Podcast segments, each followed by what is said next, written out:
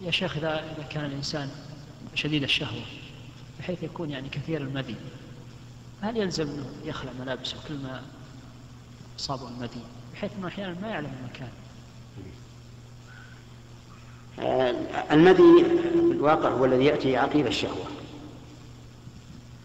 وقد أصيب به علي بن أبي طالب رضي الله عنه فكان رجلا مذاء فأمر المقداد بن الأسود أن يسأل النبي صلى الله عليه وسلم عن حكمه فقال يغسل ذكره ويتوضأ. فلا بد من أن تغسل ذكرك وتوضأ.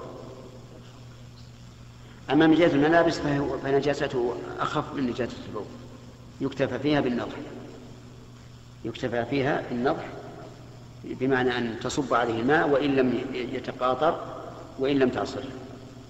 كبول الغلام الصغير. الغلام الصغير الذكر إذا لم يأكل الطعام يعني توه يتغذى على اللبن فهذا إذا أص... إذا بال على مكان يكفي أن يصب عليه الماء فقط وإن لم يتقاطر نعم.